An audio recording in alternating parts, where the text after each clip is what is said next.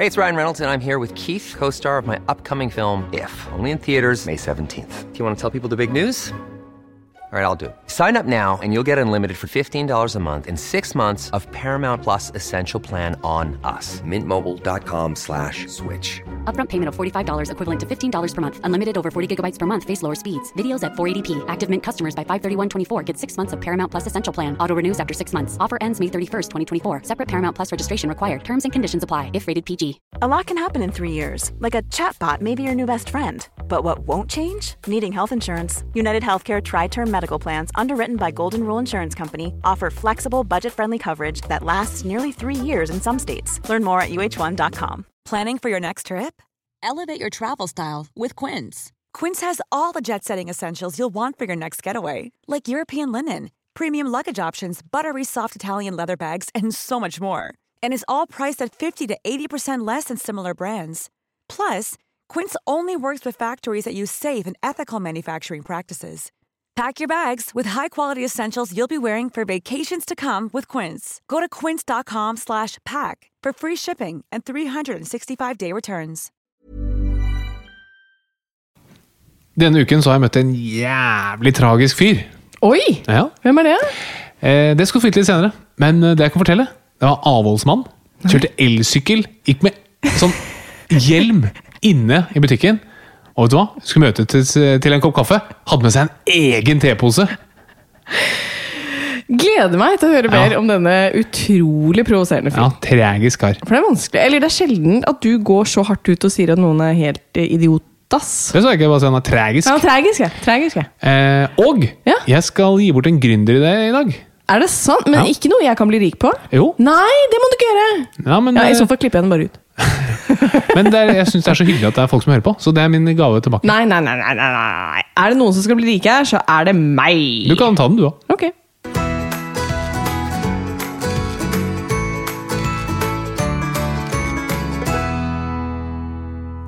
Hjertelig velkommen til en ny episode av Åpen journal. Tusen, tusen takk for det. Det er en glede å få lov til å være her sammen. Er det noe mer du vil si? Nei? Nei, bare det. Tusen Ja, takk for det. ja. Hyggelig. Eh, I dag så skal det handle om en tilstand som kjennetegnes av forstyrrelser i bevegelse og motorikken.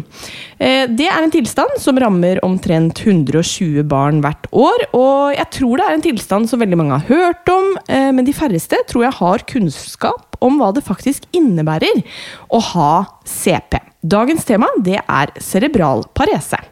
Spennende. Ja, veldig. Eh, jeg tror kanskje folk kommer til å eh, Jeg tror de kommer til å lære noe. Og så tror jeg kanskje de kommer til å bli litt overrasket over hva det egentlig er. Spennende. Ja, Så her er det bare å henge med. Og ukas gjest, det er Samantha Skogran. Hurra!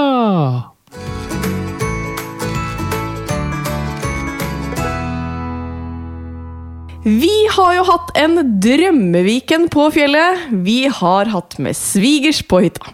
Ja. Ja, Mine svigers, da. Dine svigers. Dine Mine foreldre. Utrolig hyggelig. Lå an til en meget koselig helg. Det er jo ikke så ofte at vi eh, drar på fjellet med svigers. Eh, dessverre, vil kanskje noen si. Ja, også ja, du. ja, også jeg. Men jeg hadde virkelig gledet meg, også fordi at de er veldig flinke og snille med Bernhard. Ja. Så da er det alltid litt deilig. Du får sove litt lenger, og det fikk vi jo. Eh, men det var jo før helvete brøt løs.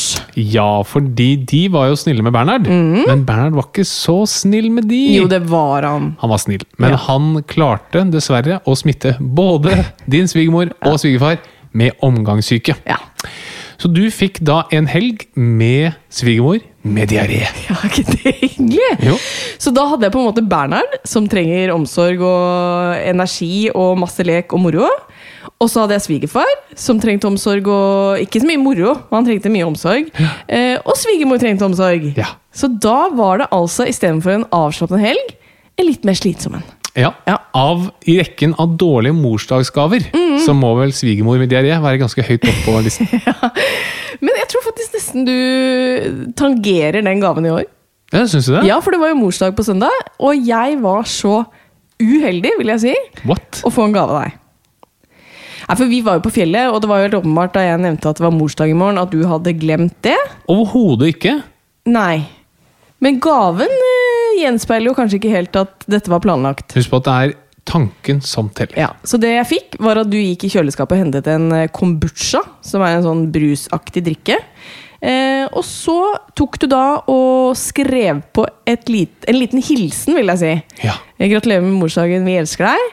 Ja. Eh, med tusj. Og så fikk jeg den. Ikke var den pakket inn, ikke var den noe kort. Nei. Nei. Jeg er jo den oppfatning at hvis du gir liksom eh, kona di 60 langstilkede roser, Ja. så har du gjort noe gærent. Ja, så har du gjort noe gærent, Ja, det tror jeg. Men det som da skjedde, var at jeg sa at jeg var litt skuffa. Ja. Jeg var jo det. Var jo skuffa. Eh, og du sa 'men det kommer en dag i morgen', sa du. Ja, fordi dagen etter morsdag så var det jo Valentine's Day.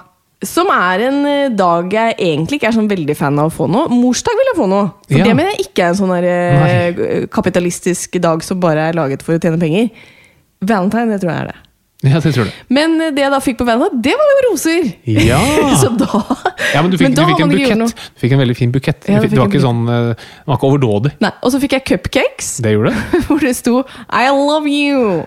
Og glad i deg. Ja, Så du prøvde å gjøre det godt igjen. Jeg gjorde det godt, igjen. Ja, du gjorde det godt igjen. Det var veldig, veldig, veldig hyggelig. Så tusen takk for det. Det var meg en stor glede.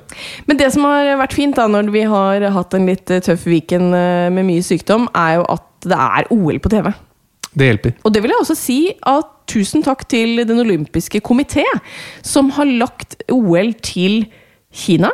Som gjør at de fleste øvelser går jo ganske tidlig på morgenen. Ja, Det er perfekt timing for oss med små barn. Helt perfekt. Og det vil jeg bare si at det har de sikkert tenkt på da de skulle velge hvor. Kina. Ja, det tror jeg. De har tenkt på småbarnsforeldrene i Norge. Eh, Men det syns jeg var veldig veldig fint. Eh, Og så videre, da, for jeg har jo hatt litt tid til å tenke når jeg har sittet og sett på disse OL-sendingene tidlig om morgenen. eh, Så har jeg også begynt å tenke Jeg er jo idrettsutøver, spiller shuffleboard på internasjonalt toppnivå. Ja, Ja, det kan du ikke si noe på. det kan jeg ikke si noe på. Eh, og da har jeg begynt å tenke Tror du jeg kan være med på Mesternes mester? Eh, Hva er kravet for å være Ja, med hva er der, da? kravene? Det er det jeg ikke vet. Altså, jeg synes jo det er det er jo mye varierende der. Altså, folk er flinke, men, men de har jo, det er jo forskjellige idretts... eh, Altså, det er jo alt fra en rallysjåfør til en langrennsutøver til en danser. Og da tenker jeg shuffleboarder? Ja. ja, det kan absolutt tenkes. Jeg har faktisk tenkt litt på dette her, fordi For det er du tenker på det også? ikke nødvendigvis 'Mesternes mester', men det er jo nå så mange reality-programmer med kjendiser Ja. at jeg tror at man bruker opp kjendisene raskere enn de produseres. Det trengs flere kjendiser Ja. for å kunne være med i programmer og så videre, enn det det produseres nye kjendiser. Så på et eller annet tidspunkt så vil du ha brukt opp hele rekka. Husk på at jeg Ja, har men de brukes jo bare om igjen. Jo, jo, men Ja. i 'Mesternes mester', for eksempel, da, Ja. så kommer det til et punkt hvor liksom nå, Nja, der er jeg litt uenig. Fordi ettersom at idrettsutøvere legger opp, så får de alltid nye navn å få med seg. Ja, fordi det kan jo være at idrettsutøvere At det produseres flere idrettsutøvere enn det brukes opp. Det er nok riktig. Det gjør det. Men hvis det- Ja, fordi kanskje Mesternes mester er, har fokus på idrettsutøvere. Mm. Nei, da, da vil jeg si sjansen faller betraktelig. Ja, du tror det? Ja, det tror jeg. Hvorfor det? Fordi jeg ikke har lagt opp ennå? Eh, Kanskje jeg må legge opp? Kanskje du må legge opp, ja. Det er da jeg blir spurt. Det kan være. Den er grei. Da har jeg taktikken klar. Og hvis noen hører på som jobber med Mesternes mester, da er tanken sådd. Tanken er sånn. For du vil gjerne være med der? Jeg syns det har vært gøy. Ja. Hvor lenge hadde du holdt ut, tror jeg? Tror du? Ikke så veldig lenge. Jeg tror ikke det Nei, heller. ikke så veldig lenge. Jeg har jo da noe nytt fra gründerbenken. Ja! Er jeg dette gründerideen? Ja, jeg lovet dere jo en, en Yes. gründeridé. Fordi sant, det vi trenger når man har barn, det Mhm. er barnepass. Men du vil jo ikke gi den barnevaktjobben til hvem som helst. Nettopp. Fordi barn er jo som regel kjæreste man har. Mm. Og det kan man ikke overlate til hvem som helst. Derfor er min idé en barnevaktstjeneste. Mhm. Som folk tenker kanskje ja, det er veldig enkelt, eh, men her kommer kickeren. Okay. Fordi det man eh, Det du trenger, er jo full tillit til barnevakten. Så min idé er at du har en barnevaktstjeneste hvor du har snille og flinke folk som er barnevakt, men barnevaktene de bruker bodycam. Sånn som politiet har på seg. Altså sånn kamera som, som viser hele tiden hva man gjør. da. Ja. Men du som foreldre, du får ikke se denne filmen. Filmen fra det som skjer under barnevakten, det sendes en uavhengig tredjepart som ser gjennom filmen på fem ganger hastighet og bare ser at alt har gått bra for seg. Så Du sender da for til en rekke pensjonister som du betaler for å se gjennom filmen i fem ganger hastighet. For å se at Ja. her har det ikke vært noe gærent, de har ikke sluppet i gulvet, har ikke gjort noe skumle ting. Eh, lar de ikke leke med flammer, osv. osv. Så da kan du rett og slett bestille da, en barnevakt for dette her, og vite at alt blir filmet og sendt til andre, sånn at du vet at barnet er helt trygt. Ja, men det er nettopp der jeg tenker at det, Jeg er jo ikke keen på at Berna skal bli filmet av en person jeg knapt kjenner, og så skal den filmen sendes til noen jeg absolutt ikke kjenner, som skal se gjennom den filmen. Jo, men husk Tenk på det de at skifter på han og alt sånn. ja, men det, det må være med, men, men alle har taushetsplikt, og filmen slettes umiddelbart. Ja, jeg er ikke fan, altså. Hvorfor ikke? Nei, jeg syns ikke det er noe komfortabelt å vite. At den filmen skal drive og sendes hit og dit. Den sendes ikke helt dit. Den er et, i en trygt sted. Man logger inn de som sitter og ser på, logger inn bank i det, og så sletter den etterpå. Men Nei, det er eh, umiddelbart tydeligvis- ikke veldig populært her. Jeg kan tenke meg at i andre land kan godt hende at dette slår an. Hvis du hadde hatt muligheten til en barnevakt som du kunne få på kort varsel, som, som du hadde full tillit til Eh, Nei, jeg vil ha tilgang til kamera selv. Ja da, Man kan se på, man kan gjøre justeringer i forretningsmodell, men uh, her er det et eh, stort potensial. Okay. Vi får se. Jeg kaster meg ikke umiddelbart på denne gründerideen. Hvis det er noen der ute som tenker ok, da får dere liksom prøve dere. Og så vil jeg bare si at hvis du blir rik, så skal jeg ha en del av kaka. Ja, det... Jeg, er, jeg er negativ, men jeg er ikke totalt fremmed for ideen. nei, hvis den, hvis den slår an. Ja, hvis den slår an. Og så føler jeg må jo ta opp det jeg snakket om, eh, om den tragiske karen jeg møtte. Ja, ja, ja, hvem er han, da? Ja, hvem er det? Det er jo deg, da. Det er meg sjøl, vet du. For hva har skjedd med deg? Ja, hva har skjedd med meg? Du har blitt eh, avholdsmann? Ja, i hvert fall Jeg har dratt ut den hvite januaren. litt Ja, grann. fordi du trives med det? Ja, det er veldig deilig. Ja. Jeg lurer nesten om jeg skal starte et eget community Oh, med avholdsfolk. Anonyme eller folk som prøver. Ja, fordi jeg tenker man kan skape Det som er de kleine situasjonene, er hvis man er ute på middag og ikke drikker. eller noe sånt. Så kan man sende hverandre bilder av kleine situasjoner og hva man sier som unnskyldning. Og. Nei, helt tragisk. Jeg vet det. Eh, Kjøpt meg elsykkel. Ja. Det, må det er en fantastisk Ja. fremkomstmiddel, men uh, føler, føler er litt uh, tragisk. Ja, i hvert fall når du sykler Det er veldig bra du sykler med hjelm, men du er liksom hjelm, refleks Altså, Altså, du har jo blitt helt- Rei- Reidun 64. Ja. Eh, og så har jeg jo, for jeg har ikke drukket kaffe siden januar heller, skulle bare prøve å gå uten. Så da har jeg begynt å drikke te. Ja. Og så har jeg begynt å bestille te fra noe som heter AC Per, som er som fin tebutikk. Og veldig god te. Og da jeg dro ut her forleden, tok jeg med en egen tepose, for jeg visste at jeg var en veldig god te. Ja, så når du ble spurt av, ja, vil du ha en kaffelte, så sier du vet du hva, jeg har med egen Ja, te. har litt varmt vann. Å, fy faen. Ja. Jeg liker ikke den jeg har Men du er så enten-eller! Ja. Enten går du så all in, eller så er du liksom Ja, du går all in på et eller annet, da. Ja da. Nå er du veldig på liksom dette litt sånn renselseskjøret. ja da, men det kommer straks til å Det kommer til å sprekke snart. Ja, det blir spennende, for du har julebord på torsdag. Ja. Altså forsinka julebord. Ja, Det gleder vi oss til å høre blir- hvordan det går. Ja, det går skeis. Kanskje gå helt i blackout fordi du ikke har drukket på sending. Det er ikke utenkelig. Vi får se. Vi får se.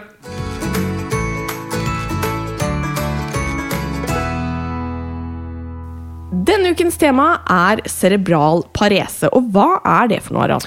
Ja, altså cerebral det betyr hjerne, og parese det betyr lammelse. Så cerebral parese det er en betegnelse på skader i hjernen som oppstår gjerne før man blir født, under fødselen eller ganske kort tid etter fødselen. Og disse hjerneskadene de gir forstyrrelser med bevegelser. Fordi I hjernen vår så har vi områder som styrer motorikken vår. og Ved cerebral parese så er det disse områdene som da blir skadet. Og når bevegelsesapparatet vårt ikke får beskjed fra hjernen, da blir det gjerne helt stivt. Så et veldig vanlig symptom på cerebral parese det er både at man ikke kan, eh, at det er enkelte områder eller bevegelser man ikke klarer å gjøre, og at dette området også er helt stivt. da. En arm eller en fot som kjennes helt stiv. Men dette begrepet det virker ganske sånn uh, vidt, og det kan ha mange forskjellige årsaker. Det kan vises på mange måter. Altså, Hva kjennetegner CP, for å gjøre det litt enkelt? Altså Mange har sikkert hørt om CP som et sånt uh, skjellsord. Eh, og mange tror kanskje at det dreier seg om at man er dum, eller den type ting. Uh, dum er et veldig dårlig begrep, men dere skjønner hva jeg mener. Eh, men CP det handler da kun om problemer med bevegelse. Så det man gjerne oppdager det ved, det er at barn ikke oppnår de forventede bevegelsesmålene etter hvert som de blir eldre. Man har jo sånne grenser for når du skal lære å sitte, når du skal lære å stå, når du skal lære å gå osv. Eh, Men barn som har cerebral parese, de bruker gjerne lengre tid på å oppnå disse målene, og noen ganger så oppnår de det ikke i det hele tatt. Og det man gjerne ser, er at barn har veldig asymmetrisk bevegelse. De bruker f.eks. én arm og en ben mye mer enn den motsvarende armen eller benet. Eh, og det er jo et av de vanligste triksene vi leger bruker. Hvis vi lurer på om noe er normalt, så sammenligner vi bare det med et annet sted på kroppen som burde være normalt. da. For eksempel, Hvis du kjenner på en arm, og kjenner, oi, her var det en rar kul, kan det være noe? Så er det veldig lurt å kjenne på den andre armen. For hvis du har samme kul der, da er det ikke noe kreft eller noe sånn eh, skummelt. da. Hvor vanlig er cerebral parese, da? Det er ganske vanlig. altså Én av ca. Én av 500 får det. Så omtrent 100-120 per år. Men heldigvis så blir det jo mindre og mindre vanlig, fordi man blir flinkere til å behandle barn både i og utenfor mors mave. Ja. Men hva er de vanligste årsakene? Du nevnte at det kan skje liksom før fødsel, under fødsel og rett etter. Ja, så Det som gjerne skjer, grunnen til at man får denne hjerneskaden, er at hjernen får for lite oksygen. Og jeg mener at denne motoriske korteksen, som det heter, altså dette området i hjernen som styrer bevegelse, det er veldig utsatt rent anatomisk hvis hjernen får for lite oksygen. Da er det liksom disse områdene blant de tidligste som, som tar skade av det. Og Det vanligste er at man får en eller annen sirkulasjonsforstyrrelse når man er i mors mage. Altså rett og slett at morkaken ikke klarer å levere nok oksygen til barnet. Og Det kan skyldes mye rart. Det Det kan være infeksjoner, eller det kan være medfødte defekter, eller det kan være andre ting. Og Det nest vanligste det er at skaden skjer i forbindelse med fødsel. Altså hvor barna av en eller annen grunn ikke får nok oksygen under selve fødselen. Og Så kan man også få dette etter fødselen, og da er det gjerne infeksjoner eller hodeskader som gir det. Fordi i de første par, årene, første par leveårene så er hjernen under en enorm utvikling, og da er den ekstra sårbar for skader. Men samtidig tåler jo på en måte Jeg bare tenker på under fødsel, for eksempel. da. For nå kan man jo bli litt sånn nervøs og tenke åh, tåler det barnet å bli pressa gjennom en så trang kanal? Altså, ja, hjernen er jo veldig mm, sårbar, men hodet til den babyen må jo tåle veldig mye. Ja da, altså Et nyfødt barn tåler egentlig ekstremt mye. Um, men og husk på at under fødsler, som man nå gjør i all hovedsak på sykehus, så overvåker man jo eh, hvordan barnet har det. Ja. Og det man gjerne ser på, det er det som heter CTG. Du ser på barnets hjertefrekvens, fordi det forteller veldig mye om hvordan barnet har det. Hvis barnet får for lite oksygen, så gir det utslag på hjertefrekvensen til barnet. Så, eh, og det er derfor det er viktig å si at de fleste skadene skjer faktisk før fødselen. For det er veldig vanlig hvis man får cerebral parese at man går og tenker ah, hva var det som gikk galt under fødselen, er det noen som har gjort noe gærent? Men da er det viktig å vite at eh, det er ikke nødvendigvis årsaken til at man har fått eh, cerebral parese. Nei. Men så under en fødsel så er dette å overvåke hvordan barnet har det, veldig veldig viktig. Og det er jo en av grunnene til at man gjør sånne hastekeisersnitt eller katastrofesnitt. Det er som regel fordi man ser at her har barnet det ikke bra. Nå må dette barnet bare ut. Og det vet man fordi det overvåkes såpass tett. Ja. Hva kan da være symptomer på CP? Nei, så Det er jo da disse motoriske ferdighetene som ikke er som man forventer. og Det kan være at barnet utvikler seg sakte, altså det, det sakte når disse milepælene man skal. Eller det kan være at muskulatur er veldig stiv, eller det kan være at barn har ufrivillige bevegelser. Barn de beveger seg både lite og rart, altså i hvert fall helt i starten. Og som regel så får man jo ikke diagnosen cerebral parese før man er ca. to år.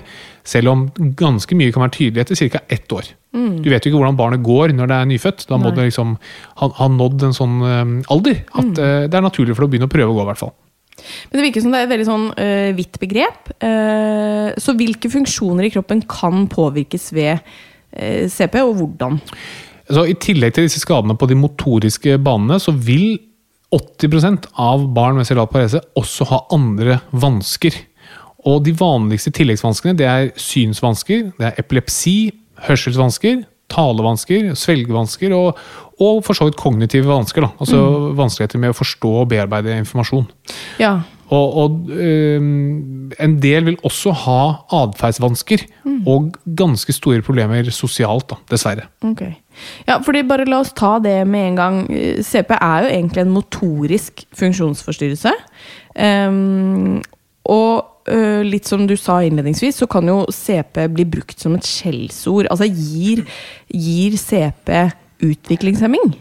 Eh, nei, det gjør det ikke. Altså, Cerebral parese dreier seg kun om motoriske forstyrrelser. Har, har ingenting i utgangspunktet med, med forståelse å gjøre. Så det er et veldig dårlig skjellsord. Nå skal man synes aldri man skal bruke diagnoser som, som skjellsord, men, men de, de som har cerebral parese, er akkurat like smarte og flinke som uh, alle oss andre. Ja. Kanskje litt flinkere, til og med. Ja. For de har jo å være født med en utfordring, det tror jeg er veldig vanskelig. Både for barnet selv og, og de rundt. Da. Men det er ikke uvanlig med kognitive forstyrrelser i tillegg. Men, men alle med cerebral parese har ikke det overhodet ikke. Men man kan også se for seg at når man har talevansker, f.eks., og, og armen eller benet står i en litt rar stilling, så, så ser man jo ikke ut som alle andre. Og da er det lett å attribuere ting. at ah, den personen må jammen være dum eller treig. Men sånn er det overhodet ikke. Nei. Og det er jo viktig å formidle. Um, men man deler jo da cerebral parese inn i, i forskjellige typer, avhengig av det dominerende symptomet. Kan du forklare litt eh, rundt det? Ja, så man, man deler da inn det ut- ifra hvilke motoriske utfordringer barna har. For igjen, cerebral parese kun om bevegelsesvansker. Så det vanligste det er det vi kaller spastisk type cerebral parese. Og spastisk det betyr krampe. Og hos disse pasientene så finner man stivhet i muskulatur. altså kjennes som muskelen hele tiden er i en krampe. altså De så spente hele tiden. Og Det gjør f.eks. at tåballen på en fot alltid peker nedover. Altså du, du, du, har alltid veldig stram muskulatur i leggen, som gjør at foten peker nedover. og Det er en ganske vanlig tegn på cerebral parese er at når barn skal prøve å gå, så går de med en eller begge eh, tåballene hele tiden nedover. Da. De klarer rett og slett ikke å, å strekke ut um, eller bøye, bøye foten. Mm.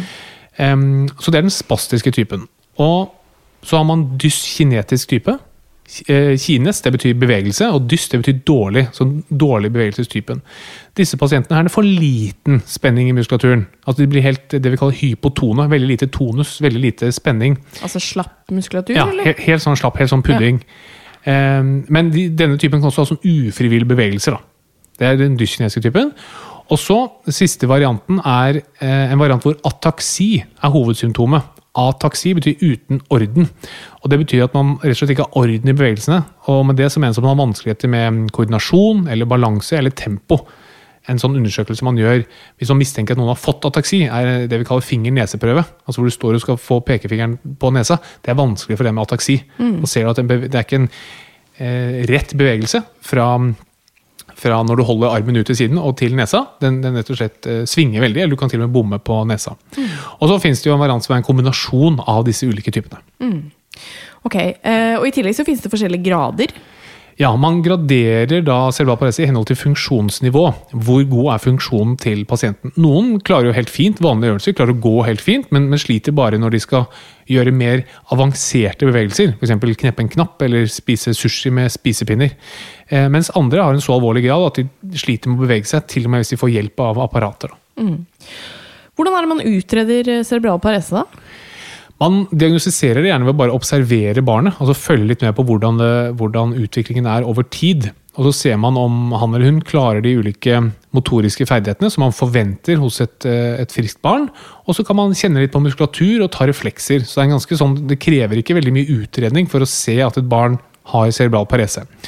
Men så tar man jo gjerne bl.a. MR av, av, hjernen. Eh, og Man kan se, gjøre undersøkelser for å se om det er epileptiske forandringer i hjernen. Og så kan man ta noen blodprøver også. Men det dreier seg gjerne om å utelukke andre tilstander som, som eventuelt kan behandles. Mm. Er det vanskelig å påvise? i og med at du må, bruke, du må jo bruke tiden til hjelp, da? Uh, ja, men um, altså, vanskelig Hvis du er god, så er det ikke så vanskelig. Er det vanskelig å lande et fly for en pilot, så er ikke det så fryktelig vanskelig.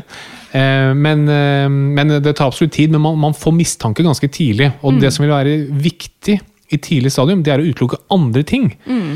For det som er fint med cerebral parese, er at det er en statisk sykdom. Den blir ikke verre. Nei. Det er bare det at den skaden er der, og den kommer ikke til syne før barnet skulle ha brukt det området i hjernen som er skadet. Ja, bruke, Når de skal begynne å bruke fingermotorikk eller Ikke sant. Ja. For et nyfødt barn det, det, skal ikke gå. Så at det ikke klarer å gå, det ser du da ikke. Mm. Men det er alltid skummelt med barn med nevrologiske symptomer. Mm. Men hvis man ser at ja, dette er cerebral parese, vet man ok, dette vil ikke progrediere. Dette blir ikke noe verre. Mm. Eh, og man kan begynne å fokusere på å heller få det bedre. Mm. Så er det, altså det er ganske lett umiddelbart å si at dette er sannsynligvis cerebral parese, bare ved å se på et barn. Men du bruker litt tid på å utelukke andre ting og faktisk sette to streker under svaret. Ja. I og med at årsakene og typene er mange, så regner jeg med at det også finnes eh, flere typer behandling. Hvilke behandlingsformer bruker man? Nei, Det finnes jo dessverre ingen helbredende behandling for cerebral parese. Så den behandlingen den retter seg mot å gi barnet så normalt liv som mulig. Og Da behandler man gjerne symptomene eller konsekvensene av den cerebrale paresen. Og Det handler i all hovedsak om å øke den motoriske funksjonen. Det er kun motorikken igjen som er i utgangspunktet påvirket av cerebral parese. Og Da bruker man gjerne fysioterapi. Eh, man kan bruke medisiner som myker opp muskulatur. Man kan bruke kirurgi hvis det er muskler eller ledd som står i en feilstilling over veldig lang tid. Eh, og så kan man bruke ortopediske hjelpemidler som skinner osv. Og, så og selvfølgelig da behandle ledsagende lidelser hvis de har epilepsi eller hørselsvansker. eller den type ting. Det som brukes ganske mye hos barn med cerebral parese, det er Botox. Ja. Ja. Eh, og, Ikke for å se bedre ut, regner jeg med. eh, nei, Nei. men for å myke opp muskulatur. For det det Botox gjør, det gjør at eh, muskler eh, ikke strammer seg. Så hvis du har en rynke i panna, da, så er det fordi du har en muskel i panna som står og, og trekker seg sammen litt, og, og trekker huden sammen så den folder seg i rynker. Når du gir Botox, så, så slipper liksom muskelen litt taket. Da. Og det gjør det også eh, hos eh, personer med cerebral parese. Jeg tror over halvparten av de med cerebral parese får Botox-injeksjoner regelmessig. Ja. Det kan man også huske på at men man tror ikke at Botox, masse Botox over lang tid er noe farlig. Og, og når man gir det til de med cerebral gir man det store doser i muskulatur. Så litt Botox i panna er sannsynligvis ikke noe farlig. Nei. Selv om jeg vil ikke anbefale det, selvfølgelig, men eh, det er man, viktig å være åpen om informasjonen som foreligger. Ja, det er helt riktig. Ja, men Tusen takk for en uh, grundig innføring i eh, cerebral parese.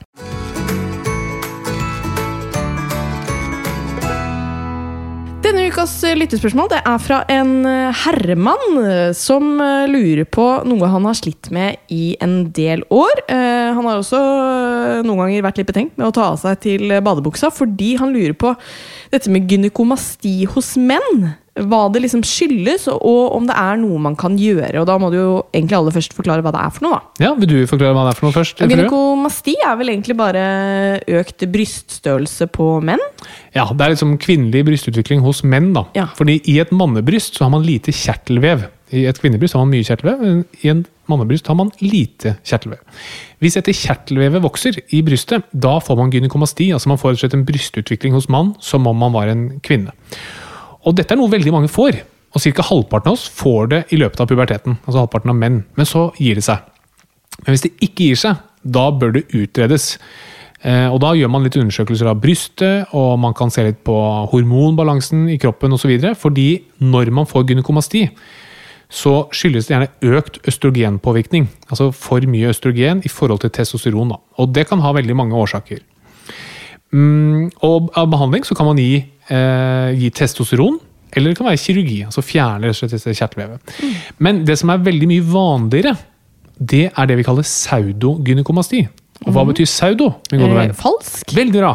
Så det er falsk eh, gynekomasti, og det er rett og slett når det bare er fett. Altså når det bare deponeres fett i brystet. Det er ganske vanlig. Yeah. Og det vanligste grunnen til det er rett og slett at man er overvektig. Altså at man eh, får i seg for mye energi, kroppen må deponere det fettet et eller annet sted, og så legger man det uheldigvis i brystene. Da. Og det som også er ulempen for menn når man er litt overvektig, er at fett omdanner testosteron til østrogen.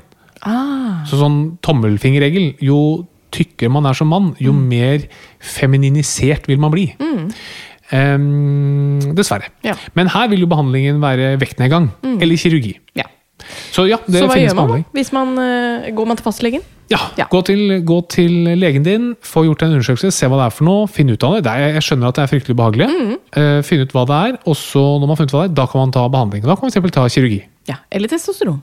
Eller Eller gå ned vekt. Eller. Alt etter hva årsaken er. Veldig bra.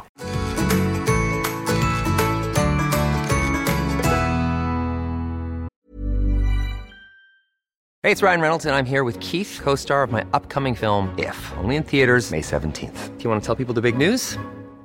All right, I'll do. it. Sign up now and you'll get unlimited for $15 a month and six months of Paramount Plus Essential Plan on us. Mintmobile.com slash switch. Upfront payment of $45 equivalent to $15 per month. Unlimited over 40 gigabytes per month. Face lower speeds. Videos at 480p. Active Mint customers by 531.24 get six months of Paramount Plus Essential Plan. Auto renews after six months. Offer ends May 31st, 2024. Separate Paramount Plus registration required. Terms and conditions apply if rated PG.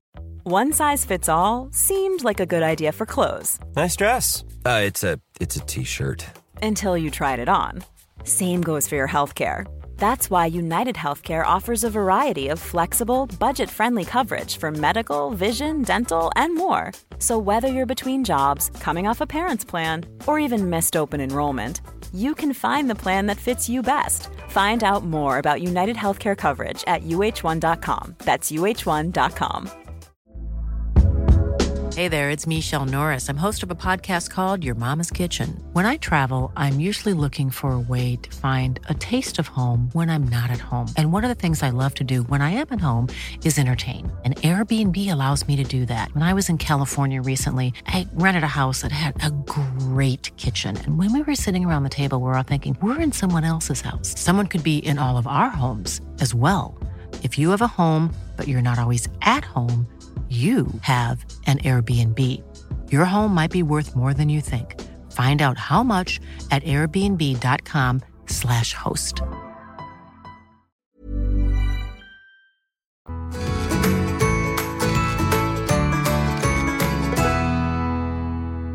Da har vi fått besøk av eh, det som jeg vil påstå at kanskje er Norges mest behagelige radiostemme. Eh, Samantha Skogran, velkommen. Nei takk. Oh, nå følte jeg litt sånn press. Hallo, hallo, jeg må legge meg litt ned i stemmeleiet.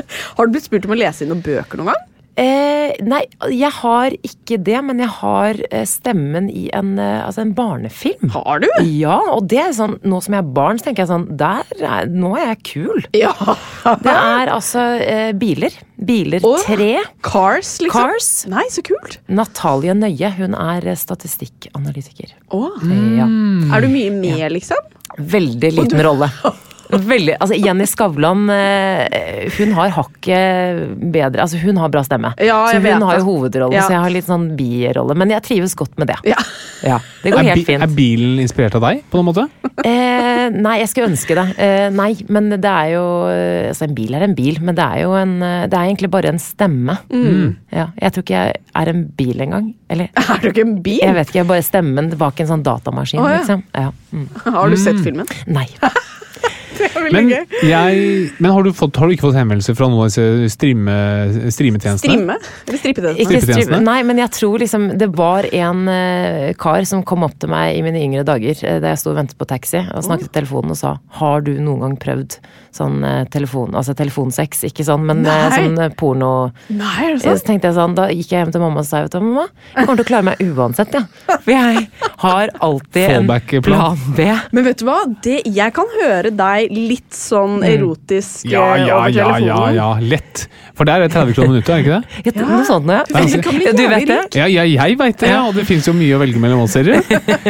Men, ja, fordi, men det, ulempen der er at det må du vel gjøre live, ikke sant? Ja, og jeg er fryktelig prippen, faktisk. Altså, Er eller, ja, eller jeg, jeg kan snakke om Hvis det ikke har med meg å gjøre, så har jeg, er jeg ikke så prippen. Ja. Men sånn, i hvert fall med sånne seksuelle ting, altså hvis vi skal begynne å snakke om det, da. Ja. Så synes jeg, altså Min skrekk er jo å høre noen andre være intime. Altså ha seg, rett og slett. Jeg har aldri, det har aldri skjedd meg. Jeg håper det aldri skjer, så det er ikke noe for meg, det der telefonsexen. Fordi dagens tema er jo sex. Nei, Nei, å gud nei. Vi skal spille et klipp som varer 1 time og 60 sekunder. Av meg og Katarina. Det er enda verre noen jeg kjenner, noen jeg vet om. Er Forferdelig. Ja, fordi du syns det er hva, hva er det med det, da? Nei, jeg tror jeg bare er eh, rett og slett ganske prippen av meg. Så Ja. jeg, jeg synes egentlig sånn, sånn klining også, hvis jeg ser sånn klining på, på, på TV, Ja. på, på fjernsyn, så kan jeg bli veldig flau. Vi Men prøve å begrense oss, vi, da. For vi er jo ganske sånn uh, intime av natur. Og er dere sånn? Er dere det paret som Ja, men vi sitter er og faktisk Jeg vil ikke Nei, vi si kliner. Nei, nei, vi er ikke det. Nei, men vi, jo, vi er veldig fysiske. Det er Det er veldig hyggelig. Ja, ja vi er veldig fysiske. Mm. Hadde blant annet en tur på hotell her for ikke lenge siden, og det var uh... Nå blir Samantha kvalm her. Nei, men egentlig, så helt ærlig, så ble jeg litt sånn sjalu nå også. Fordi du vet, småbarnslivet, vet Ja. du. Dere, Ja, men det, la meg si noe det sånn. Det var, Håper dere det var unntak. Ja. Altså, det, for å si sånn, det var et nyttårsforsett om å øke noen enkelte aktiviteter. ja. Skjønner. Og, og bakgrunnen for det var at det hadde vært rimelig tørt Ja. i foregående sesong. Hvis Ja, ja. vi kan få bruke sports, eh, eh, sportsalgori her. Ja. Så det var et, en, eh, en litt eh, luguber sesong i fjor. Men så langt i år, Bra sesong. bra! Vi okay. lada opp til OL.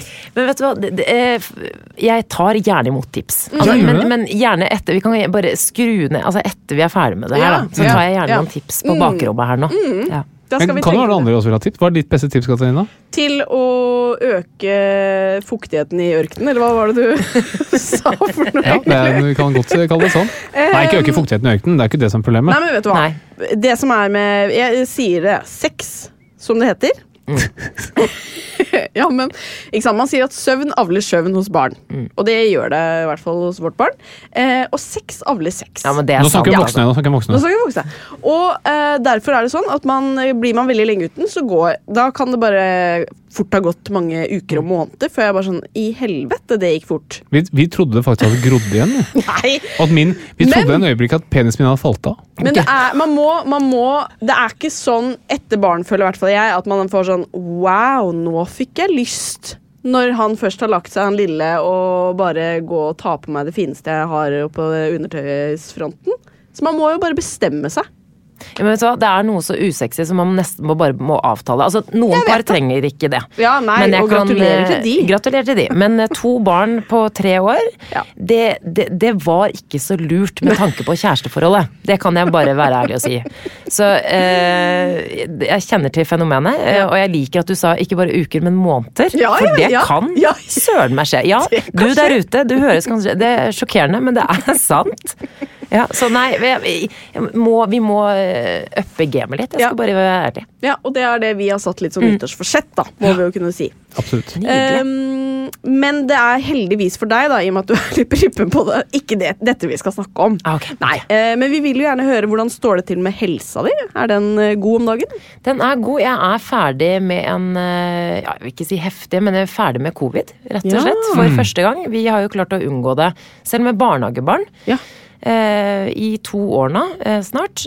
Og så fikk vi en runde eh, nå, da. Hele gjengen fikk det. Um, fikk Altså, jeg ble litt dårlig. Fikk eh, feber. Og så ble det som en forkjølelse. Jeg har to doser bare, men det gikk veldig fint. Og heldigvis gikk det veldig bra med barna òg. Jeg har jo da en sønn på tre år og en datter på seks måneder. Så jeg var litt sånn urolig for den minste, da, men det gikk bra. Og akkurat nå så er det bare Jeg har brukt det litt som unnskyldning de siste tre-fire ukene. Jeg har hatt covid. Nei, jeg kan ikke. Jeg, kan ikke, jeg må ta det rolig. Vet du, jeg har hatt covid. Ja.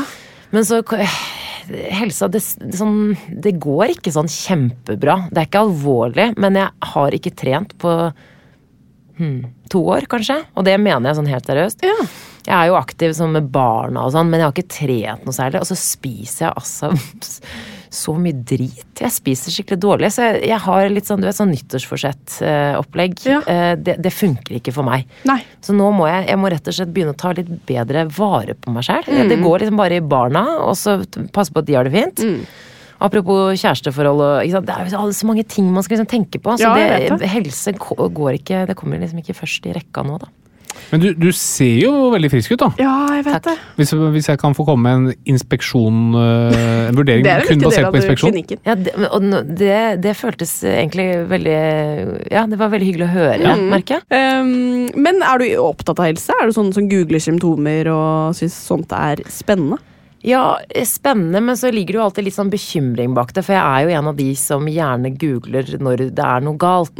Eh, og det var vel oftere før, men det var sånn med en gang jeg ble mor òg, ikke sant. Så dere kjenner jo sikkert til fenomenet. Eller kanskje ikke, for dere er jo liksom levende leksikon i form av nei, nei, mye verre, egentlig. Å ja. Ja, ja. ja, det er sånn, ja. Ja, For du mistenker jo de farligste ting. Ja, dere kan jo for mye, nesten. Ja, jeg sliter litt med det. At jeg kan for mye. Ja. Særlig Katarina. Jeg sliter mye med det. Nei, men jeg skjønner veldig godt hva du mener. Ja, og så er det liksom og, det kan, og så er det Problemet mitt er jo også at jeg googler sånne generelle ting. Altså, ikke sant, er Alt fra liksom eh, baby, søvn. Ja. Så bare sånn, eh, eller sånn eh, Og jeg til og med på et eller annet tidspunkt, det her husker jeg med førstemann, hvorfor gråter babyer? ja, men jeg har Vi har alle vært der. Ja, ikke sant? Også nå, i, i det siste nå som jeg har vært gjennom to fødsler på svangerskap på ganske kort tid, så har det jo skjedd mye med kroppen, rett og slett. Så i det siste så har jeg faktisk googlet veldig mye om meg selv, da. Ja. Altså, før, nå har jeg lært litt det med ikke, det med barn og sånn, det må du bare ikke Ja. gjøre det. Ta heller kontakt med legen din, eller sant, spør en venn, eller et eller annet sånt, for det blir sånn, du blir bare mer redd av eh, svarene du får der.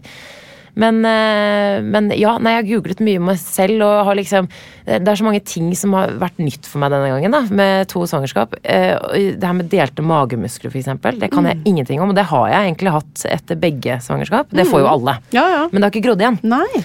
Så jeg har hatt mye problemer med det, og så har jeg liksom eh, Altså, er det lov å uh, dele Ja. sånn sånn Absolutt. skikkelig? Veldig gjerne. Fordi jeg har de, de siste fire månedene så har jeg googlet mye om dette med delte magemuskler. Og så har jeg også kjent at det har vært så mye, mye, vært så mye trøkk. Altså nedover.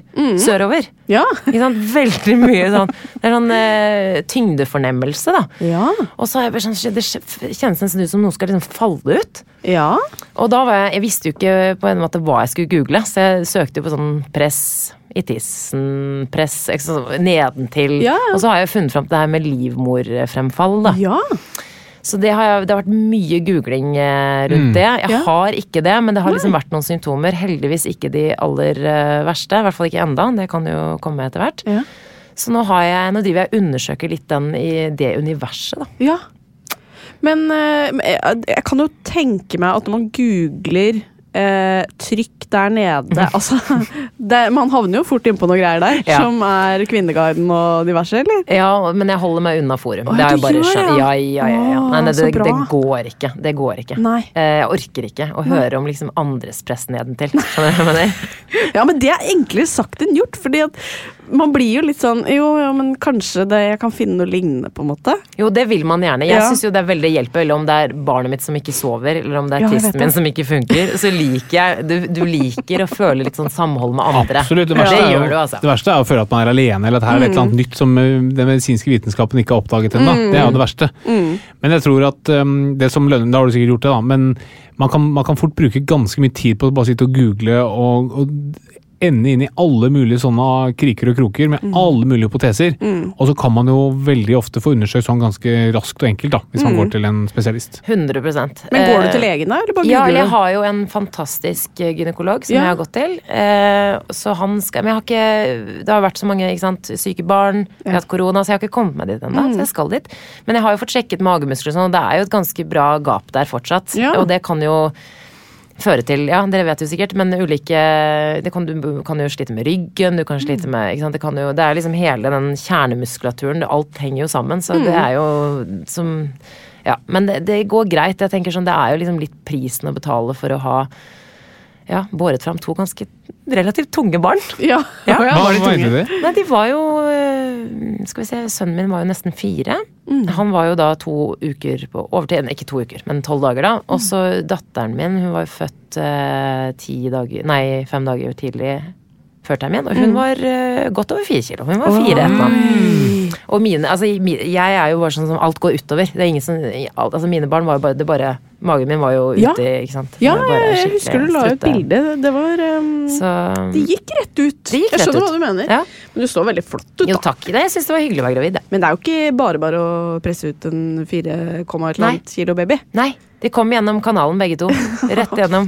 Ja, ja. Neida. Men det har vært gode opplevelser. det, Altså, men det er jo bare liksom man sitter igjen med restene, da. Ja. Altså Den der innsatsen man gjør som mm. fødende kvinne, det er helt utrolig. Ja, for en ting er jo svangerskapet og fødselen, men det er jo alt etterpå. Mm. På en måte. Som vi, litt av det vi snakker om nå, som er helt sånn Ja da, og det er jo absolutt 100 verdt det, heldigvis. Men ja da. eh, Ja, ja. det kan du si. Men, eh, men jeg blir aldri lei av å høre deg, her. Altså. Jeg syns det er så fint at Ja, du sier det. Bare, liksom, det er- Jo, men også, ja. Tenk deg hvis man skulle eh, tatt 50-50, da. Eller hvis, man, hvis du skulle sette en pris på det. Mm. Det var ganske høyt. ja, det er høyt, altså. Ja. Så jeg må si jeg er veldig heldig som slapp unna den jobben der. Mm. Og setter enormt pris på at du gjorde det. Hva skulle du hatt da for å presse noe ut av det lille urinrøret ditt? Mitt. Nei, der skal det ikke så mye inn. Nei. Eh, og jeg ville jo ikke tålt å klemme et barn ut av eh, mitt urinrør. Nei, men sett at det var mulig å presse det ut av tissen din. Jo, men sett at det er mulig, men det gjør selvfølgelig vondt når du gjør det. Og du kan få liksom potensproblemer, du kan få eh, problemer med vannavgang, alle de tingene. Hva skulle du hatt da? For å gjøre det? Ja, det er helt reelt eh, spørsmål. Eller ikke reelt Det er spørsmål. ikke helt reelt spørsmål. Det er jo- Ja, det første sjukeste er at han, han kan få noe Altså, jeg tar gjerne en million. ja, jeg vet det. Noen gjør det også. Altså surrogat. Ja, Du ja, skjønner hva det jeg er mener? sant. Ja, Altså, ja. ja. Ja, nei, altså, jeg hadde vel eh, Nei, det ble helt umulig å svare på. Ikke sant? Man, man kommer, fordi man er kvinne, så må du må bare gjøre den jobben. Sorry, man har ikke noe valg. Men også er det nullstilt etter det. Ja. Og det, man kunne argumentert for at man, kvinne har egentlig startet litt i pluss. da. Nå skal mannen eh, steppe opp litt i noen år. Kunne man argumentert for. Ja, men det, det hadde vært fint, for jeg føler at det, blir jo uh, mye av amming, selv om man ikke ammer uh, Det er ikke alle som ammer. Jeg ammet jo ikke andre gangen nå, eller i hvert fall ikke lenge. Og da, men, men det er liksom noe med at man er jo så avhengig av moren Så Det, det er nettopp det, kanskje det som er litt av problemet. Da, at det, du har vært gjennom svangerskapet, fødselen, og så skal du liksom være hovedpersonen etter det igjen òg. Det er på en måte det som er litt slitsomt Ja. for veldig mange. Ja, ja. Og det skjønner jeg. Det er enormt urettferdig. Ja. Det, så enkelt er det. Men hva har du å tilby, siden vi nå har Nei, altså, vi har gjennom, lagt denne, dette på denne avtalen er skrevet under for lenge siden. Og, Det er det ikke. men for de som kommer, den neste generasjonen Ja, så er det et godt tips å avklare dette litt på forhånd. Ja. Hvordan tror du du hadde vært som lege da, Samantha? Nei, eh, jeg, altså jeg er ikke helt sikker. Det, det er et godt spørsmål. Jeg har tenkt eh, litt på det, skjønner du. I det siste. Vurdert det her, skjønner du.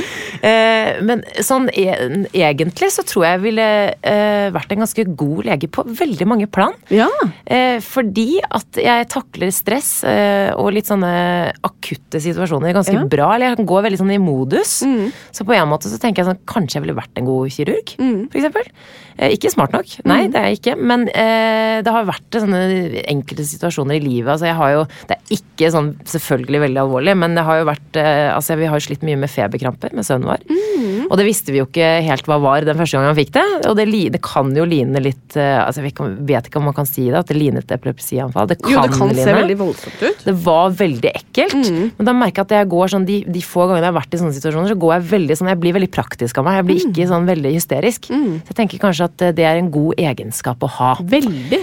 Eh, det har også vært andre situasjoner hvor liksom, det, ja, folk flakser altså, ja, Hvor jeg bare klarer sånn, det er hodet kaldt. Og eh, sønnen min fikk også noe i halsen eh, en gang. Hvor han begynte å liksom Ja, det var, det var Ja, det er min skrekk. Hva gjorde du da? Du, da var jeg på en restaurant i Kroatia, eh, så det var masse mennesker i tillegg. Og jeg visste jo ikke hvor sykehus ikke sant? Sånne ting burde man alltid sjekke før man skal på Ja. tur. Men eh, nei, det var bare Det har jeg jo sett på eh, sånn førstehjelpskurs, og det er jo egentlig veldig enkelt, på en måte. Eh, eh, bare tok han opp, og så bare, selvfølgelig bare slo han på ryggen og liksom Hvor gammel var han? han? Han var eh, ni måneder. Hva var det han satt i halsen? Det, et annet tips Ja. til småbarnsforeldre. Å, herregud. Du vet sånne mais Alle, alle vet om det her. De små maischipsene eller maispuffene som du gir til mm. barn. Det ligner jo sånne cheese doodles, Yes. men det er eh, for babyer. Tatt med de på tur, på flyturen, for at han skulle kose seg litt. Og da vi kom ned til Kroatia, så var det såpass varmt at eh, disse hadde skrumpet inn. Og det hadde ikke jeg fått med meg, så jeg ga jo disse til han mens jeg og mamma satt på restauranten og spiste lunsj og koste oss. Uh, og den hadde skrumpet inn, så da han spiste den, så var den liksom ikke myk. hele Det- så han tok hele i munnen, og så fikk han den i halsen. Men eh, selv da, liksom, så var det Jeg ble veldig sånn her, ok, jeg så på hvor er utgangene, hvor er de, og så tenkte jeg sånn, ok, nå spør jeg etter en lege, hvis jeg ikke får det her ut, og så, altså jeg begynner, jeg tenker veldig sånn, da.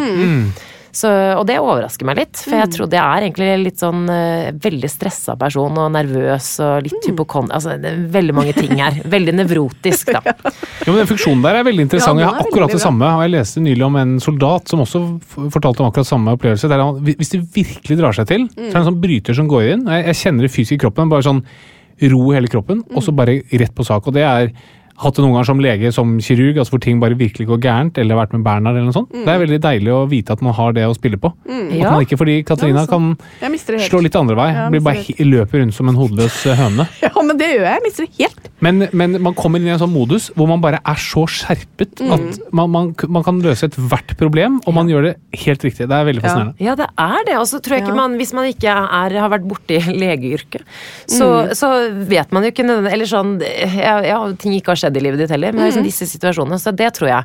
Eh, Men så er det noe med den derre at jeg er nevrotisk, og det arbeidsmengden og stresset rundt det der, det hadde tatt knekken på meg, tror jeg. Ja. Så, så vi stryker Ja. kirurg.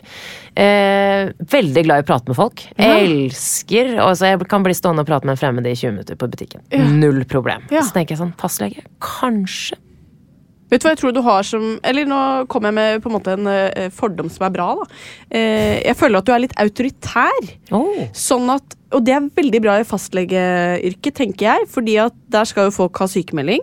Enten de burde ha det eller ikke ha det. Og der føler jeg at du kunne vært sånn Ja, men nå har jeg undersøkt deg, og jeg finner egentlig ingen grunn til å syke Altså, der føler jeg ingen De hadde hørt på meg, kanskje? De kanskje de har stolt på meg. Jeg, skjønner hva du mener. Jeg tror, Ja. du, jeg tror du bygger tillit veldig fort, Ja. og du, du hører nok på folk til at de føler seg hørt. Ja. Og så tror jeg man også respekterer hvis du, du kan bare si på en hyggelig måte sånn Nei, vi gjør det ikke på den måten Ja. her. Så er det sånn, ok, ok, ja, ok. den er grei. Den er grei. Det høres mer ut som en leder av en sekt.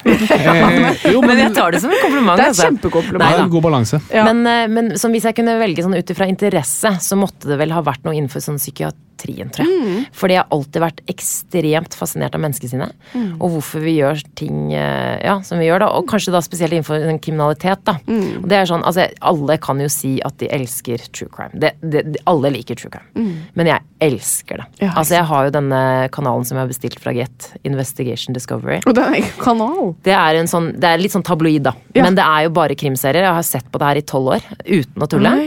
Eh, tar opp episoder ukentlig. Eh, er er altså så fascinert av eh, ja, psykopater, sosiopater, alt mulig. Men Ja. også da spesielt liksom kriminelle. da, Hvorfor eh, Og har, altså YouTube også. Jeg har sett på millioner sånne programmer om Hva heter det? Altså, det her burde jeg ikke kunne. Jeg som er lege. Eh, eh, frontallappe Hva er det? Pannelappen? Ja, det? ja, frontaltemporal Ikke sant? Eh, som da Dere kan jo kanskje beskrive det, men hvorfor man gjør ikke sant? Det, har, det har noe med øh, følelser og risk Altså det er veldig mange Ja, ting som ligger hemninger, blant Hemninger, annet. ikke sant? Ja. Og hvis man får skade der, hvor utrolig ødelagt man kan bli. Altså, det bare fascinerer meg. Ja. Psykiater, altså, hvis du, Mm. da, burde, da bør du studere og bli psykiater, for psykiatere de har det fantastisk bra. Har de det? Ja, ja, ja. Ja, de har det er, litt det, det, er det, den spesialiteten i legeyrket hvor du liksom, der er du helt konge. Mm. Du kan jobbe hvor du vil, du har fantastisk lønn, det er jo lite vakt. Mm. Det er så familievennlig og bra. Det er ikke for seint. Nei, men, ja, men jeg hører dere sier det til Mm. alle de som kommer hit. Er, er det ikke det? Nei. Nei. Jeg studerte med folk som var over 40 og 50 år da de begynte å studere medisin. Men det syns jeg er så kult. Mm. Det synes jeg er dritkult, For det krever litt mer, kanskje, da, av en 40-åring og en 50-åring Mm. enn en eh, 20-åring. Nei, Mm. kanskje ikke. Jo, eller som kommer an på hvor du er i livet. Ikke at det er vanskeligere, men det er vanskelig å komme i gang og kanskje gjøre det, da. Ja. Så det, Noen- det er kult. Ja, nå vil jo, og Det er alltid et argument at er det ikke bedre at en som er 20 år studerer, for de har lengre tid i yrket. Mm. Men hvis man ser bort fra det, og du har lyst til å gjøre det, Ja. det ville jeg gjort. Ok, men det kanskje jeg skal gjøre det. Skal jeg bli sånn eh, tabloid eh, psykiater på TV? Yes. Med sånn CNN-sveis og Altså, doktor- sexy briller som du har på denne, Ja. Katarina.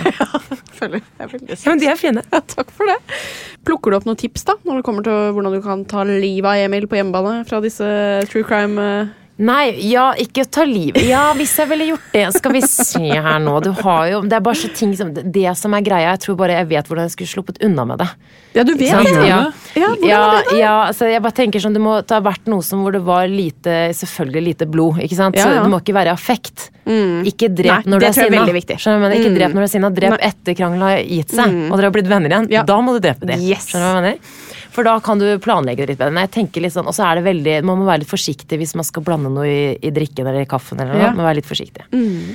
For uh, alt kan jo spores. Ikke Ikke, sant? sant? Så jeg vil ikke dele akkurat hvordan jeg ville gjort det. Ja, for den holder du for deg selv, ja. Og så må du bare passe på at du aldri googler det. For det kan også spores tilbake. Det synes jeg også er veldig gøy med folk som har sagt sånn How to murder with a weapon.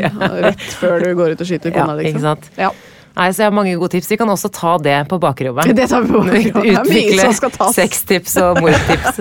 Um, men eh, da uh, er jeg veldig spent på hvem som er best i quiz av Samantha og meg. Ja, er Ja. du klar for quiz, Samantha? Alltid. Da kjører vi quiz. Og med oss i dag så har vi en av Norges beste podkaststemmer, eh, Harald Doblaug. God dag. Det er jeg som er quizleder. Og vi har Samantha Skogran. God dag. Ja, takk. Hei. Og eh, studmed Katarina Flatan Doblaug. God dag. Hei, hei. Er du taggad? Ja, veldig. Samantha, er du taggad? Alltid. Alltid takk. Da starter vi med deg, Samantha Skogran. Hvor mye veier en hjerne? Altså, er den Jeg, jeg prøver, å tenke, prøver å tenke på barnet mitt. Hvor mye veier barnet mitt? Hvor mye veier en hjerne? Eh, det er eh, et godt spørsmål. Altså, hvor mye jeg tenker sånn, jeg, jeg, Dere har jo sikkert holdt i noe greier som Har du holdt en hjerne? Ja. Men det er jo som voksen person. Ja. Ja. Eh, 1,5 kilo? ja, jeg tror ikke det er så dumt. Jeg vil tenke Ah. Da sier jeg faktisk 1,4, bare for å legge meg under. 1,5 er helt riktig, Samantha. Nei, nei, Fy nei! fillen. Så lur! Ja, du er veldig lur. Hjernen min veier sikkert enda mer. Ja, det tipper jeg. Men det er sikkert det 2,7. dobbelte. Katarina, Fader, hvor ja. mange nerveceller er det i en hjerne? Det er mange millioner, det. Ok, 60 millioner. 60 millioner. Oi. Eh, eh, Harald ler litt, så jeg ble sånn, det. hvorfor gjør han det? Eh, jeg, jeg har altså ikke peiling. Hadde du spurt meg først, så hadde jeg sagt sånn ja, 620. Så jeg, jeg, da legger jeg meg på, på 40 millioner. 100 milliarder. 100 milliarder, ikke sant? Så er det 1-1. Men det er litt færre hos meg, da. Så Åpenbart litt færre. Så du, er kanskje, du snakker kanskje din egen hjerne. Og det må vel nesten gi deg poeng for. Så det blir 1-1? Fantastisk. Mm. Eh, Samantha, hvorfor veide den skotske stuntkvinnen Betty McTittis over 100 kilo, til tross for hennes slanke utseende? Nei, det, er er det lurespørsmål? Nei, det er ikke noe lurespørsmål i den quizen her. Hvorfor Betty, hva sa du hun het? Hvorfor veide den skotske stuntkvinnen Betty McTittis over 100 kilo, til tross for hennes slanke utseende? Nei, men vær så snill, det må, jo- altså, det, hør på navnet hennes, da. Er det, var det pga. store brøst? Ok, forslag? Nei, jeg vet ikke. Hun hadde nerver av stål. Stå. Den er fin. Den er faktisk veldig intelligent. Takk for det. Hvis ikke hun hadde hett Betty McTittis. McTittis. Så hadde hun vært intelligent. Ja. Den var god. Takk Men ingen poeng, da. Ingen poeng. Ehm, Samantha, Ja? hvor mye øker risikoen for cerebral parese hvis man røyker i svangerskapet? Oi. Ja, det ehm, Det må jo ha noe å si, tenker jeg. Ehm, for jeg har skjønt at uh, altså, dette er jo noe som skjer enten altså, rundt eh, svangerskap eller ved fødsel. Så du må jo ha en risiko hvis du gjør noe som ikke er bra for deg under uh, svangerskapet. Eh, hvor prosent? Mm. Eh, 10 20, 20 Katarina? 2% 80% Nei! 80 mm. Er det sant? Ja. Oi, det var veldig mye. Ja. Det var mye. Men hvis du for eksempel røyk, nei, drikker veldig mye, Ja. så øker det med tror jeg, 320 Oi! Ja. Ja, men Ja, da øker vel risikoen fra lav til Altså Ja, risikoen er Ja, lav. Er lav. Ja. Jeg tror en halv per tusen 1000 i Norge eller noe sånt. ja. Men det er poeng til deg, det, Samantha. Du var nærmest. Så er to, Mm. eh, nå er leder Samantha med ett poeng. Hun er god på å gjette. Hun er veldig god i quiz. hei, hei, hei. Dette er ren kunnskap. um, Samantha, Ja. gjennomfører man hjernekirurgi på våkne mennesker? Eh, altså, jeg vil jo si nei, men det er sikkert lurespørsmål, så jeg sier ja, jeg. Katarina? Ja, fordi at man, eh, man eh, undersøker ofte hvis man skal operere bort ting. Ja, men Hvis du lurer på om den strukturen liksom styrer ditt og datt, så kan du si sånn Kan du prøve å gjøre dette nå, og så gjør de det, og så ser de Det er riktig. Så de er faktisk våkne. Ja. Fordi da kan du følge med. Så det var bra. det. Poeng til riktig. Eh, Så ja. Du svarte ja for det. sånn, mm, Dette er et ja. lurespørsmål, derfor sier jeg jeg ja. vet det. ja. Um, ok, neste spørsmål. Eh, Samantha, Mm. hvorfor døde den kjente italienske nevrokirurgen Rasole Linimenti nå like før jul? Å, gode, gamle Rasoli. Eh, hvorfor han døde? Ehm, eh, hvorfor han døde? Han døde samme så, som Elvis. Eh, Elvis han spiste altfor mye fet mat. Og så, Ja. nei, altså Unnskyld, altså, det her er et ordentlig menneske. Altså. Eh, Ja. jeg, jeg vet ikke. Han døde av eh, Han døde av hjertesvikt. ja. Nei, jeg vet ikke. Han fikk sju slag. Fikk rett før jul. Ja. Den er fin. Å, så heldig. Uff a meg. Den er fin, den. Ja, den Ja, er fin, den. Ja. Mm. Så husk på det. Rashole Linimenti. Vi tenker på det. Eh, Siste spørsmål. Ja! Er det medisinsk? Ja, det er selvfølgelig. Um, Katarina, Mm. hva er betegnelsen på en nevrokirurgisk operasjon som går galt? Dette er ikke medisinsk spørsmål. Uh, gjerne Samantha, Hva var det, hva var det du sa? En uh... hva er den medisinske betegnelsen på en nevrokirurgisk operasjon som går galt? Å ja, så det, er det sånn eh, Er det noe latin, eller? Cerebral fadese. Å, herregud. Men litt Hele den quizen her var faktisk en fadese. Men du Katarina, jeg, kan, jeg har noen tips til deg på Har du det? bakrommet. Enda mer? Jeg merker stemningen her nå. Ja. Det går bra, vi kan ta det Ja, på jeg tror, tomannshånd. jeg tror eh, de nyttårsforsettene ligger tynt an akkurat nå. Ja, det høres litt sånn ut. Den ørkenen er vel tørrere enn noensinne har vært. Men det betyr at du vant, Samantha. Ja, det var jo Veldig bra. veldig overraskende, Ja. men veldig hyggelig for Ja, deg. jeg, det var bare liten sånn ikke-kompliment der, Katarina. Men jeg, tar den. Jeg er bare god. Det er bare sånn det er. Sånn er det. Eh, siste vi skal gjøre før vi eh, sier takk for i dag, det er å få tips til Bernhard fra Samantha på hvordan Bernhard kan bli en fin fyr. Du har to barn, Ja. så jeg regner med at du er ekspert. Eh, ja. Eh, jeg, jeg føler at jeg er sånn ekspert på hva man ikke skal gjøre. Ja, men det tar vi også, da. Eh, for eh, nei, jeg, har liksom, jeg har så mange tips jeg har lyst til å gi dere. Men eh, nummer én, ikke få flere barn. Nei da. Hvis- Nei da. Ja. Nei, eh, jeg vil si Det er sånn eh, to ting, da, om Ja. det er lov å si, gi Ja. to tips. Eh, nummer én, lær han hva motgang er. Det har jeg lært. Ja. Fordi det er altså så mange som ikke vet hva det er, og så Ja. møter de på motgang, og så tror de at det er verdens undergang. Eh, noen tilfeller. Og, så det kan være fint å bare vise, vise han, eh, gjerne fra tidlig alder, og at eh, ting er ikke alltid greit å være lei seg. Ja. Man blir lei seg. Av og til så får du ikke til ting. Eh, nummer to, en ting som jeg har gjort altfor mange ganger. Eh, ikke gi han det han vil ha på butikken når han skriker etter det. En is. Og så skriker han, og så skriker han, skriker han. Ikke gjør det. Det er en, en bjørntjeneste. Ja. Eh, jeg har gjort det altfor mange ganger, og det blir, altså, det blir ikke bra. Nei. Nei. Det er vanskelig å stå i, da. Det er det. Og si nei. Så prøv å si nei. Bare si nei, og, eh, og ja, motgang. Så uh, ja. Jeg er dårlig på nei, altså. Du er ekstremt dårlig på nei. Det, er da, det blir fort litt dårlig stemning hjemme hos oss Ja. når jeg holder på Nei, med for jeg tror at ja. jeg prøver jo å være litt sånn tøff, Konsekvent. liksom konsekvent, da, er det jeg mener. Og, og det, man bygger opp det over tid. Etter hvert så lærer man at hvis man selv om man skriker etter en is i, barnen, så, eller i butikken, så får man ikke. Mm. Men hvis du da har en annen som faktisk gir etter, så, så alt det jeg har bygget opp, det bare faller sammen Men som et bare når du korthus. ikke er til stede. Ja, Ja. det Ja. skjønner jeg jo. Ja. Men da bygger du opp eh, Katarina, så at det blir good eh, cop, bad cop. Ja, jeg vet det. Og eh, er det ikke litt slitsomt å være bad cop? Veldig slitsomt. Takk, Samantha. Ja. Jeg, jeg må bare, ja. Ja, jeg vet det. Jeg vet det. Men jeg kommer ikke til å gjøre noe med det. Det Jo, jeg, jeg. jeg jobber med saken. Jeg gjør det. Eh, og frem til vi møtes neste gang, folkens, så håper jeg at jeg har blitt litt bedre på det. Eh, og ellers så sier vi tusen hjertelig takk for at du kom, Samantha. Det var en glede å ha deg her. Takk for meg. Og nå skal vi få en del tips på bakrommet. har jeg skjønt. Jeg gleder meg Så stort, det er bare å ja. glede seg. Ha det! Ha det! Plan B. Small details are big surfaces. Tight corners are odd shapes. Flat, rounded, textured, or tall. Whatever your next project, there's a spray paint pattern that's just right. Because Rust new Custom Spray 5 in 1 gives you control with five different spray patterns. So you can tackle nooks, crannies, edges, and curves without worrying about drips, runs, uneven coverage, or anything else. Custom Spray 5 in 1. Only from Rust Mom deserves the best, and there's no better place to shop for Mother's Day than Whole Foods Market. They're your destination for unbeatable savings, from premium gifts to show-stopping flowers and irresistible desserts. Start by saving 33% with Prime on all body care and candles. Then get a 15-stem bunch of tulips for just $9.99 each with Prime. Round out Mom's menu with festive rosé, irresistible berry chantilly cake, and more special treats. Come celebrate Mother's Day at Whole Foods Market. Planning for your next trip? Elevate your travel style with Quince. Quince has all the jet setting essentials you'll want for your next getaway, like European linen, premium luggage options, buttery soft Italian leather bags, and so much more. And is all priced at 50 to 80% less than similar brands. Plus, Quince only works with factories that use safe and ethical manufacturing practices. Pack your bags with high-quality essentials you'll be wearing for vacations to come with Quince. Go to quince.com slash pack for free shipping and 365-day returns.